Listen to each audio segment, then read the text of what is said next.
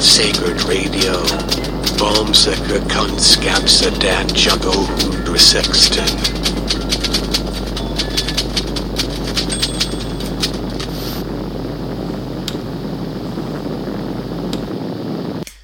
Hallå kära lyssnare. Det här är Jesper Grip som pratar och eh, nu har vi kommit upp i nummer 15 av dessa avsnitt av Är det säkert radio. I denna poddkanal så är tanken att vi ska prata om eh, samhällsvetenskap i vid mening, vetenskapsteori och riskhantering och liknande saker. Med lite intervjuer blandat när jag får till sådana.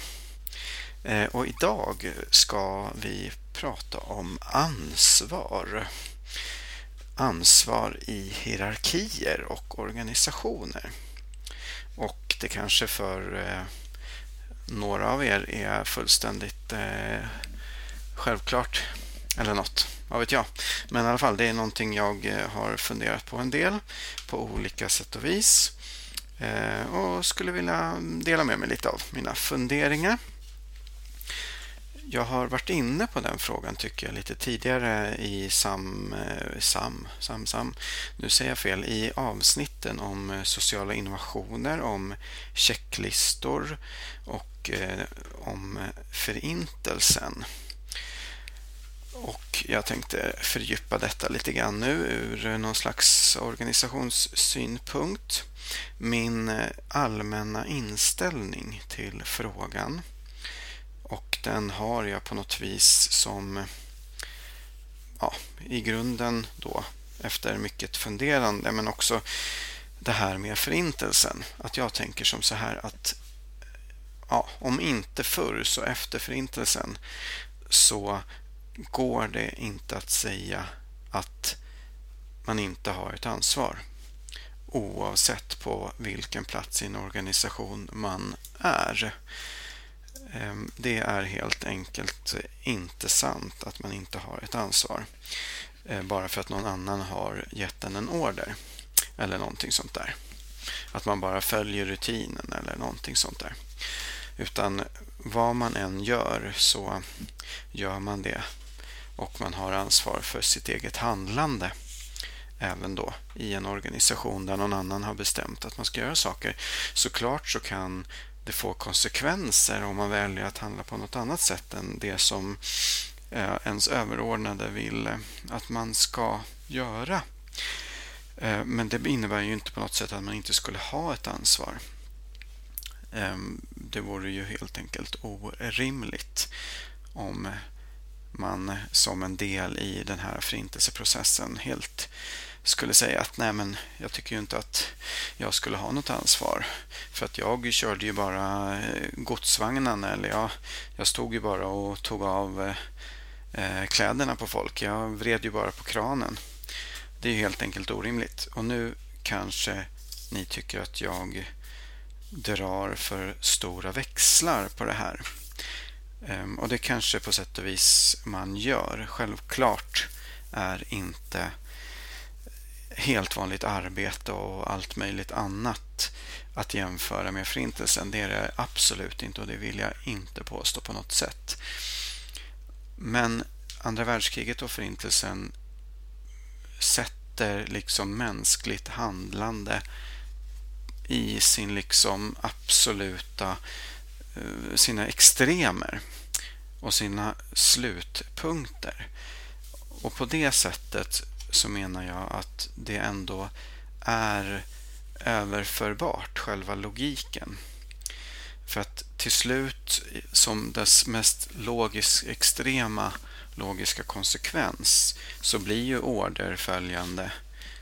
Ja, det hamnar ju till slut där. Att ja, men följer man bara order, ja men då har man inget ansvar. Om man nu bara har tryckt på, på avtryckaren. Eh, och inte var den som bestämde från början. Och då blir det så för mig att är det så i den mest extrema situationen då gäller det också även de andra helt vanliga situationerna. Men för den skull blir det ju inte alls på samma sätt. Det handlar ju om kvalitativt olika saker. Men då alltså ändå att den liksom moraliska slutsatsen ändå är att varje individ är ansvarig för sitt handlande. Så länge man nu är vid sina sinnens fulla bruk. Och att man måste så att säga ta konsekvenserna av sitt handlande. Och allt som oftast är det ju inget problem. Men att man ändå har ett ansvar för det. Och väljer jag att fortsätta att göra det som jag blir tillsagd, ja men då har jag ju godkänt det. Och förhoppningsvis så är det heller inget problem utan det är saker när man gör är någonting bra. Men ansvaret är allas. Men det innebär inte heller att en person på en högre nivå inte skulle ha ansvar eller skulle ha mindre ansvar då. Utan ansvaret är såklart delat. Och exakt hur stort ansvar var och en har, det måste man nog ta i var och en, vilken, ja, respektive situation eh, i taget så att säga. Utan det är inget man kan uttala sig om generellt hur stort ansvar eh, en viss person har. Det kan ju finnas väldigt många steg från beslut till utförd handling eller ganska få steg eller väldigt få steg, bara en eller två eller så. Och det här inverkar såklart på vilket ansvar man har. Kanske eh, så, ja, som i Förintelsen när man ger eh, en någon slags allmän order om att lösa judeproblemet som skulle kunna tolkas lite hur som helst. Ja, då, sen så att de under löser det så småningom på det sättet att man helt enkelt mördar människorna. Ja, det, då skulle man ju kanske kunna hävda att nej men vi sa ju bara att vi skulle lösa problemet, inte att man skulle mörda dem. Och Sen blir det såklart en fråga om ja, visste man då om att det mördades så kan det ledas i bevis på att man försökte förhindra det i sådana fall. Annars så var det väl det man faktiskt menade utan att man sa det och så vidare. Eh, men allt det där är ju komplicerade frågor som vi inte ska rota i mer just nu. Men med det sagt ändå att min utgångspunkt är att alla människor har ansvar och alla människor i en hierarki har ansvar för sitt handlande. Exakt hur stort det är, det måste man låta avgöras i respektive situation. Ansvar är ju viktigt och det märker man ju nästan dagligen. Vi har ju haft nu under en lång tid sedan hela sommaren eller när det nu började den här frågan om Transportstyrelsen och eh, informationen som har eventuellt blivit komprometterad här om alla svenskar och så via det här datasystemen. Ehm, ja, och alla möjliga. Det finns ju exempel nästan dagligdags på saker som händer och hur man ska försöka fördela ansvaret. Ehm, och ja, jag tänkte prata lite grann om hur man kan tänka kring ansvar i en organisation utifrån en artikel som är skriven av James Reason som heter Human Error Models and Management och den publicerades i EBMG J, British Medical Journal den 18 mars 2000. Och där skriver han om eh, ansvar och mycket riskhantering utifrån ett systemperspektiv. Och hans modell har kommit att eh, kallas Swiss Cheese Model eller schweizerostmodellen. Och det är, eh, kommer vi snart in på varför den kallas så. Huvudpunkterna i den här modellen som James Reason försöker eh, promota är att eh, människor kan göra fel och att misstag kommer att ske. Att det måste vara en utgångspunkt. Man kan inte utgå från ofelbara organisationer, ofelbara människor. Eh, han tycker också att misstag ska ses som en konsekvens snarare än som en orsak i sig. En konsekvens av tidigare handlingar eller brister i till exempel organisationen. Dessutom tycker han att eh, för att förebygga bör vi ur det här perspektivet då förändra förutsättningarna under vilka arbetet utförs snarare än att försöka förändra människorna själva. Och centralt blir då olika försvarsmekanismer som man bygger in i systemet. Mekanismer som kan förhindra att skadan sker om en felhandling uppkommer. Och den här Schweizerostmodellen varför den heter så tänker man sig, eller han sig, att eh, han ser då de olika hierarkierna, olika delarna i en organisation som ostskivor. Väldigt billigt talat då. Men de här ostskivorna kan ha hål som en schweizerost. Och det är i sig ingen fara, men ju fler hål det finns eh, så kommer det också vara en större risk att de här hålen till slut kommer att ligga över varandra så att man ser rakt igenom alla lagren. Och det är först då det uppkommer ett problem eller en skada. Det här kommer bli tydligare alldeles snart. Ett exempel för att eh, ja, eh, förklara det här med, med schweizerosten är, skulle kunna vara i en vårdsituation, säger vi, hos ett eh, kirurgiskt team på ett sjukhus. Där kanske man har en schemaläggning då för det första eh, som är tajt redan från början eh, med ja, vad det nu skulle kunna innebära.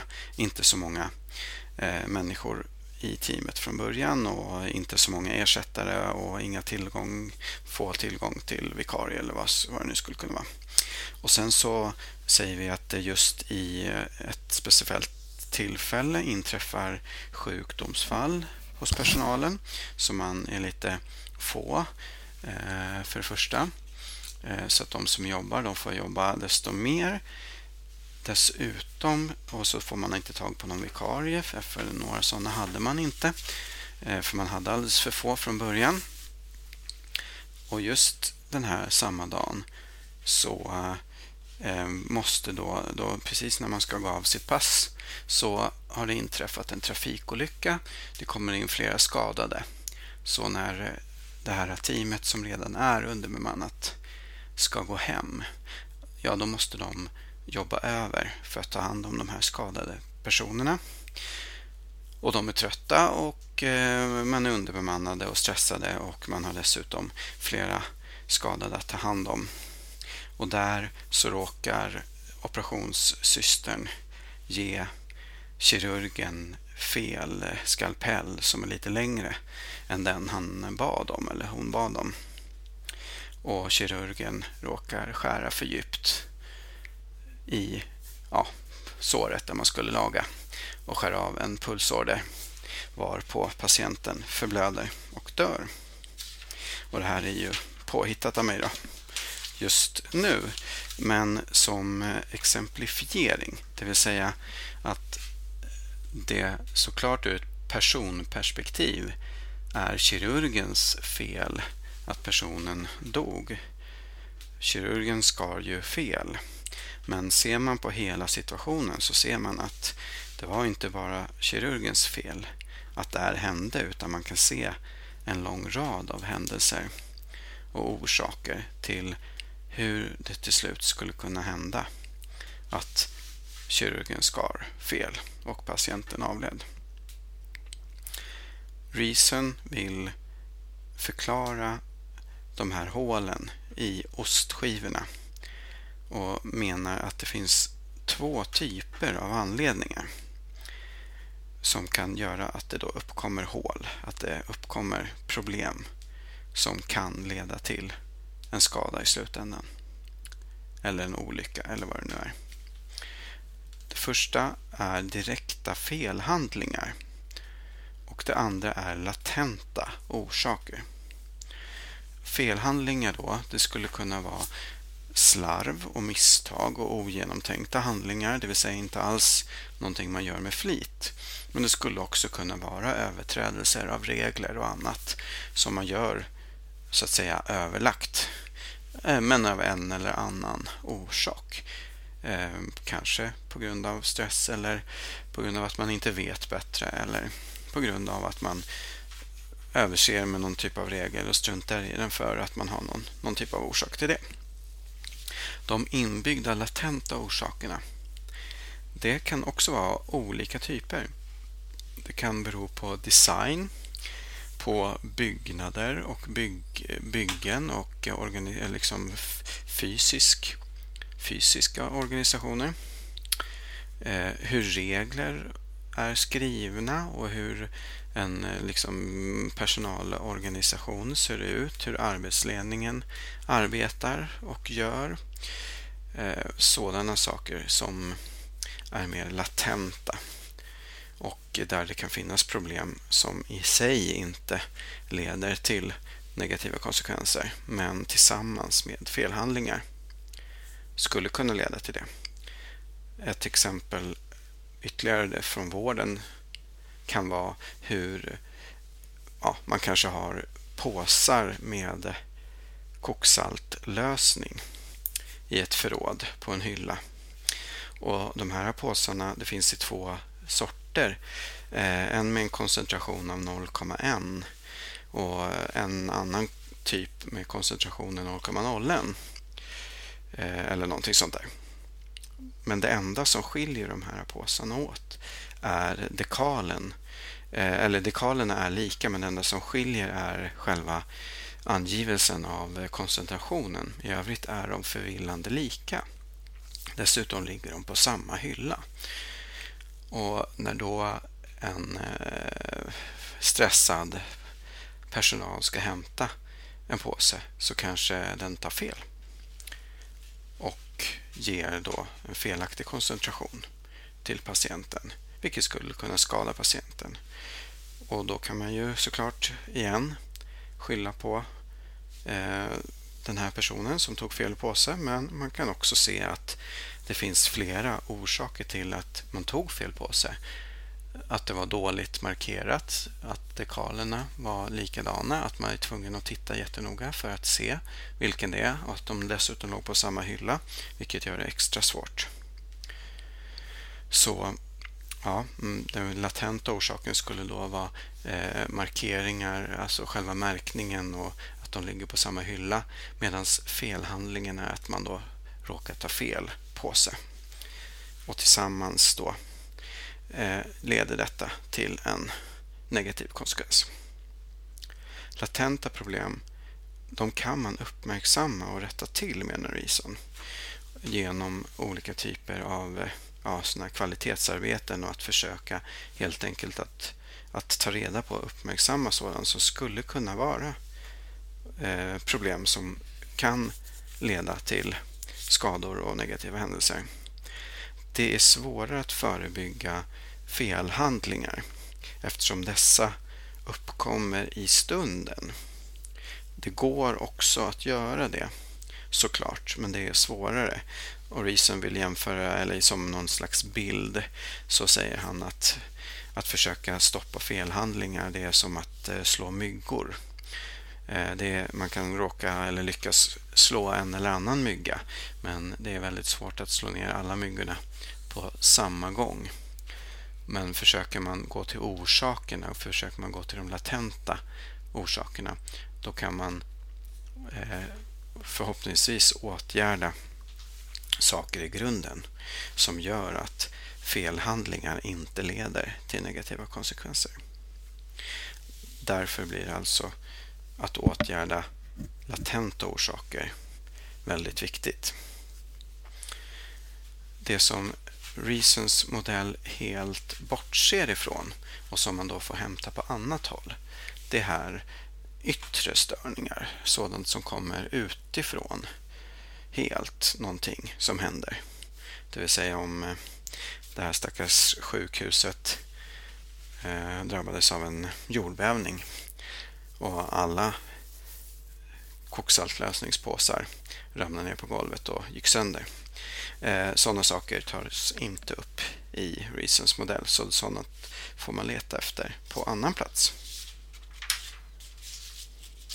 Det finns självklart också en massa andra typer av liknande modeller och system av andra människor som är liknande. Och eh, just Reasons modell har i och för sig fått ett ganska stort inflytande till och från. Eh, jag skulle vilja hävda att eh, det finns inte kanske så jättestor skillnad mellan olika sådana här modeller och de eventuella skillnaderna som man kan komma på och argumentera kring.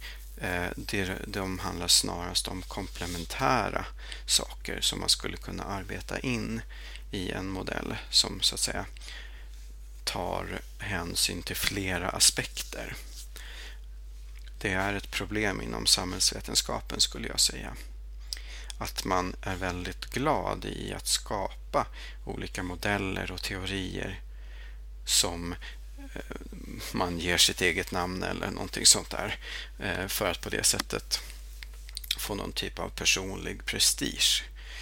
Eh, men de här teorierna och modellerna är i praktiken faktiskt inte särskilt olika varandra utan just komplementära snarare än att de skulle på något vis vara väsensskilda. Och det här kan vara ett problem när man försöker sätta sig in i olika modeller för att respektive företrädare hävdar att det skulle vara så stor skillnad mellan dem. Och på det sättet så skapar man massa förvirring snarare än att man skapar klarhet och försöker lösa ett problem. En eh, sak som jag tycker att Reasons modell gör lite oklar eller möjligtvis inte är så bra. Eventuellt så är det o, o, ja, inte korrekt av mig att tycka så. Jag vet inte riktigt. Eh, för att texten är ganska kortfattad som Reason har skrivit här. Eh, men det är det här med det personliga ansvaret. Reason vill ju ställa en typ av systemmodell mot en modell där man fokuserar på det personliga ansvaret. Och detta vill jag eventuellt hävda är just en sån här ett försök till att eh, påstå att en komplementär eller att försöka skapa en motsättning som egentligen inte finns. Självklart så är varje person, precis som jag sa här i början, väldigt långrandigt. Varje människa i en organisation har ett ansvar för sitt eget handlande. Men det behöver inte betyda att man inte samtidigt kan se att det här handlandet kan påverkas av massa saker och att en felhandling kan ske på grund av orsaker som står utanför respektive individs kontroll.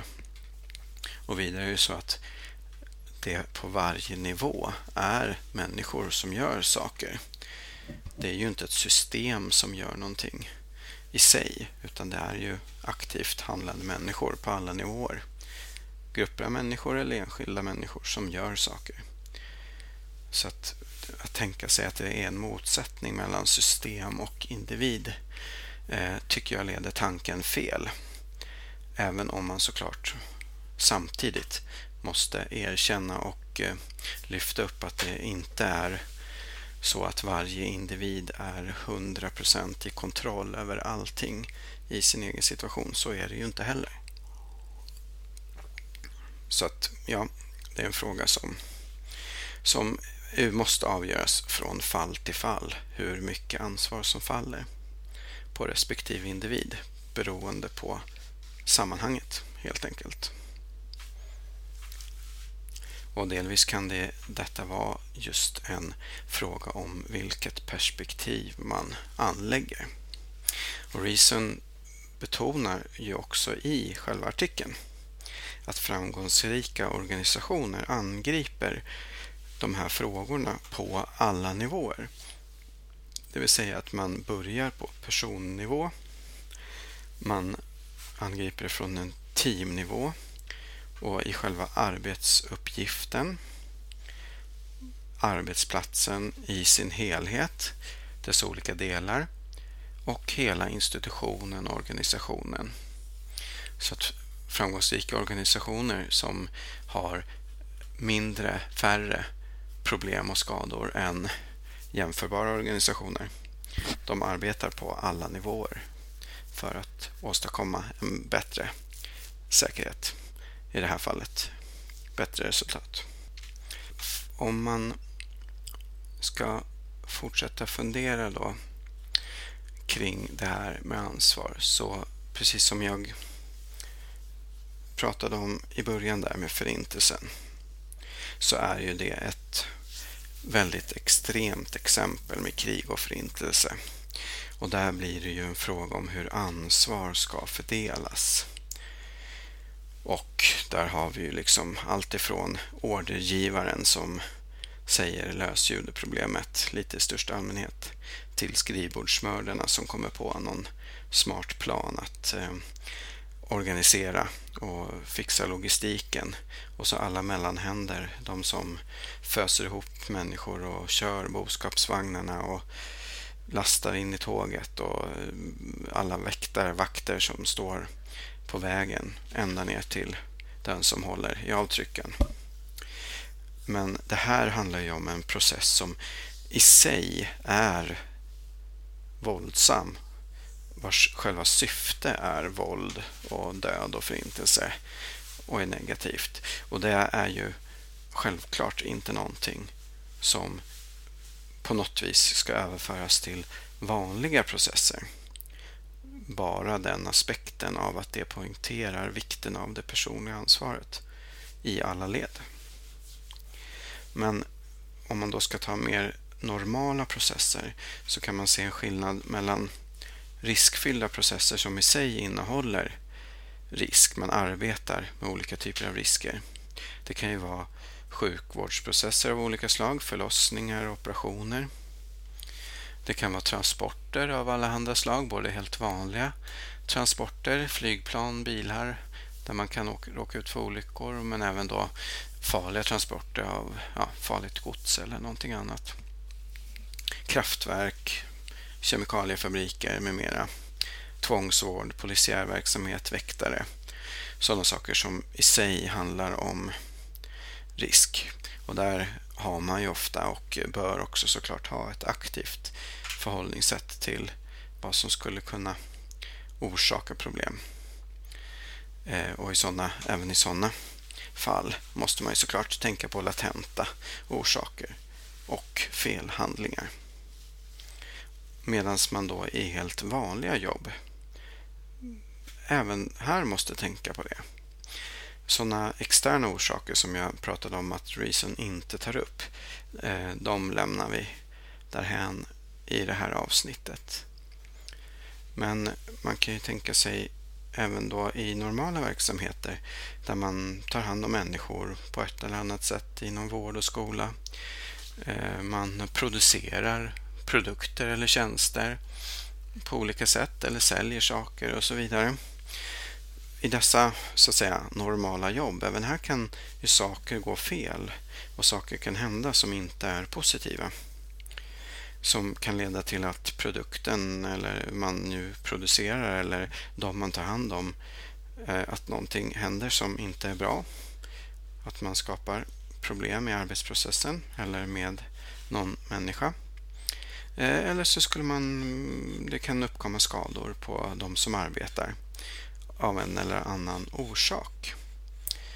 Och även i dessa eh, processer så måste man söka både latenta orsaker såklart, men även se på felhandlingar och vad dessa, ja, vad dessa består i och hur de skulle kunna förebyggas.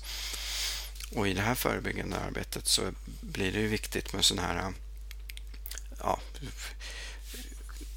kvalitetsarbeten och systematiska undersökningar av sin egen verksamhet som man såklart bör ha någon gång per år eller kanske två för att undersöka sina rutiner och eh, arbetsprocesser för att se på vad det skulle kunna hända saker som inte är bra. Eller vilka rutiner eller vilka processer som skulle kunna leda till något negativt vid en felhandling. Även incidenter och nästan olyckor eller saker som, som händer som skulle kunna ha lett till någonting dåligt, något negativt, någon skada. Fast i det här fallet så undvek man det av en eller annan orsak. Även sådana saker, sådana händelser är viktigt att tänka på och ta upp till diskussion eh, och, fundera kring varför det hände och varför man lyckades stoppa det hela och vad man skulle kunna göra för att eh, undvika framtida sådana saker. Känsliga punkter och svaga länkar. Och I det här arbetet skulle jag också vilja hävda att fantasin är ett viktig, viktigt verktyg. Att tänka sig in i vad skulle kunna hända som även ligger utanför det man i det normala kanske tänker sig. Vad skulle kunna hända som gör att eh, någonting dåligt sker? Att produkten vi arbetar med inte blir klar i tid eller att människorna vi arbetar med eh, ja, att det händer någonting eller att personalen, att någon blir skadad eller någon mår dåligt. Och här måste man använda sin fantasi och kanske jobba utifrån olika scenarion för att tänka sig in i olika saker som skulle kunna hända och därmed också tänka sig vad man skulle kunna göra för att förebygga. Det som man kanske kan se som ett största problemet med det här, i alla fall skulle jag tycka det så här generellt, är ju att det kostar ju en hel del pengar och tid och resurser att tänka sig in i olika typer av potentiella problem. Och det tar ju tid och resurser från annat man gör egentligen. Det här handlar ju inte om kärnverksamheten såklart. Utan det handlar ju om sak, funderingar kring hur man ska undvika att saker händer som drabbar kärnverksamheten. Och Det här ges ofta en alldeles för låg prioritet. Och sen när väl saker händer så är det så att säga för sent. Men det, det är samtidigt högst, eh, högst eh, rimligt rimligt på sätt och vis att man inte ger det högre prioritet eftersom det är svårt att tänka sig in. Det är ju så att säga eh, kontraintuitivt och kontrafaktiskt. Man tänker sig saker som kan hända och förebygger det. Och själva kvittot på att man har gjort rätt, det är att ingenting händer. Och det är svårt att använda ingenting som ett kvitto på att man har gjort rätt. Samtidigt så är det ju just det som är kvittot på att man har gjort rätt. Att ingenting händer, att allting flyter på som normalt. Det är kvittot på att man gör rätt. Men det är ju svårt att veta om det beror på att man faktiskt har gjort rätt, att man har förutsett allting negativt som skulle kunna hända, eller i alla fall alla viktiga, mest eh, påfallande risker som man kan tänka sig, eller om det bara är en slump som gör det. Och Det blir ju lite grann som att försöka skjuta mygg med, eh, med hagel eller någonting sånt. Att man gör diverse åtgärder och hoppas att man ska träffa rätt. Häromdagen så hade vi ett sånt här problem i närheten, eller det påverkade min arbetsplats. Eh, det var nämligen så att helt plötsligt så hade vi inget vatten i våra kranar. Det var en eftermiddag. Och eh, sen såg vi utanför att på gatan att eh, Stockholms vatten var där och hade börjat gräva upp gatan. Och eh, jag gick ut och pratade med dem och det visade sig att det var en vattenläcka man hoppades var klar samma kväll. Men dagen efter då var fortfarande vattenläckan högst läckande och man hade ingen aning om hur lång tid det här skulle ta. Till slut så tog det ytterligare en dag och då hade man lyckats eh, koppla på någon typ av nödvatten som i vanliga fall gick via brand, ja, gick till brandsystem, slangsystemet eller någonting sånt där. Eh, så att vi fick åtminstone vatten efter drygt två dygn. Och det var ju bra, för hela huset ja, drabbades, eller flera fastigheter drabbades av det här. Eh, så man var utan vatten i drygt två dygn. Och det är lite jobbigt. Eh, och det här vattnet som kopplades på, det var då det har stått i ledningar under längre tid. Så då var man tvungen att koka innan man kan dricka det och använda det. Och sådär. Och själva grundläckande vet jag egentligen inte om den är lagad än. För det här skedde nu i veckan som var. Och jag var ute och pratade med de här killarna som jobbade med det här. Och då visade det sig att vattenläckan kom sig av att man hade höjt trycket i vattensystemet för att eh, man bygger nya områden i närheten. Och man behövde höja trycket för att få till ordentligt vattenflöde i de här nybyggda kåkarna. Då hade man pratat om det innan på Stockholms vatten och de här var tydligen inblandade, killarna som då jobbar praktiskt nere på gatan med maskiner och grejer. Och de hade avrått från att man skulle höja vattentrycket. Det skulle höjas två bar och så hade man höjt då en bar. De hade avrått från att göra det och sagt att gör inte det för då kommer systemet troligtvis att eh, gå sönder. Det kommer inte hålla för det för rören i gatan är gamla. Nej, men det måste vi göra, sa man från planeringshåll. Ehm, och till slut så blev det ändå så trots flera varningar från de som påstår sig veta bättre och som jobbar med rören. Man höjde trycket en bar av två som man hade tänkt sig och 24 timmar senare så sprang rören läck på ett flertal ställen så att till slut då efter drygt två dygn så eh, består gatan mer av hål än av eh, asfalt. Och det kostar ju rimligtvis eh, en del pengar såklart att utföra sådana saker lite sådär på jour och inte göra det planerat. Så troligtvis blir det ju en större kostnad. Samtidigt så kanske det är svårt, hade varit svårt att veta var någonstans det skulle springa läck innan man faktiskt testar. Eh, det är jag inte person att avgöra för jag kan ingenting om sånt där egentligen. Men man skulle kunna fråga sig så här, vem har det största ansvaret här? Eh, någon eller flera har då bestämt att man ska höja trycket. De som känner till systemet säger att man inte ska göra det och menar att det kommer inte systemet klara, det kommer att gå sönder. Någon annan då säger att nej, vi måste höja trycket, det bara är så. Varpå man då höjer trycket. Någon eller flera har bestämt detta. Jag vet inte hur organisationen ser ut, men säg att någon typ av chef där på Stockholms vatten för den här avdelningen har bestämt det. Någon annan rimligtvis höjer vattentrycket rent praktiskt. Eh, vrider på kranarna eller ändrar i datasystemet eller vad man nu gör. Det är nog inte samma person som gör det. Vem har då ansvaret för det allra mest? Är det den som bestämmer eller den som utför själva handlingen? Och visste den här människan som utförde själva handlingen och drog på trycket, visste hen att eh, man hade avrått från att göra det? Och skulle man i sådana fall vägrat att eh, utföra den här handlingen om man hade vetat om det?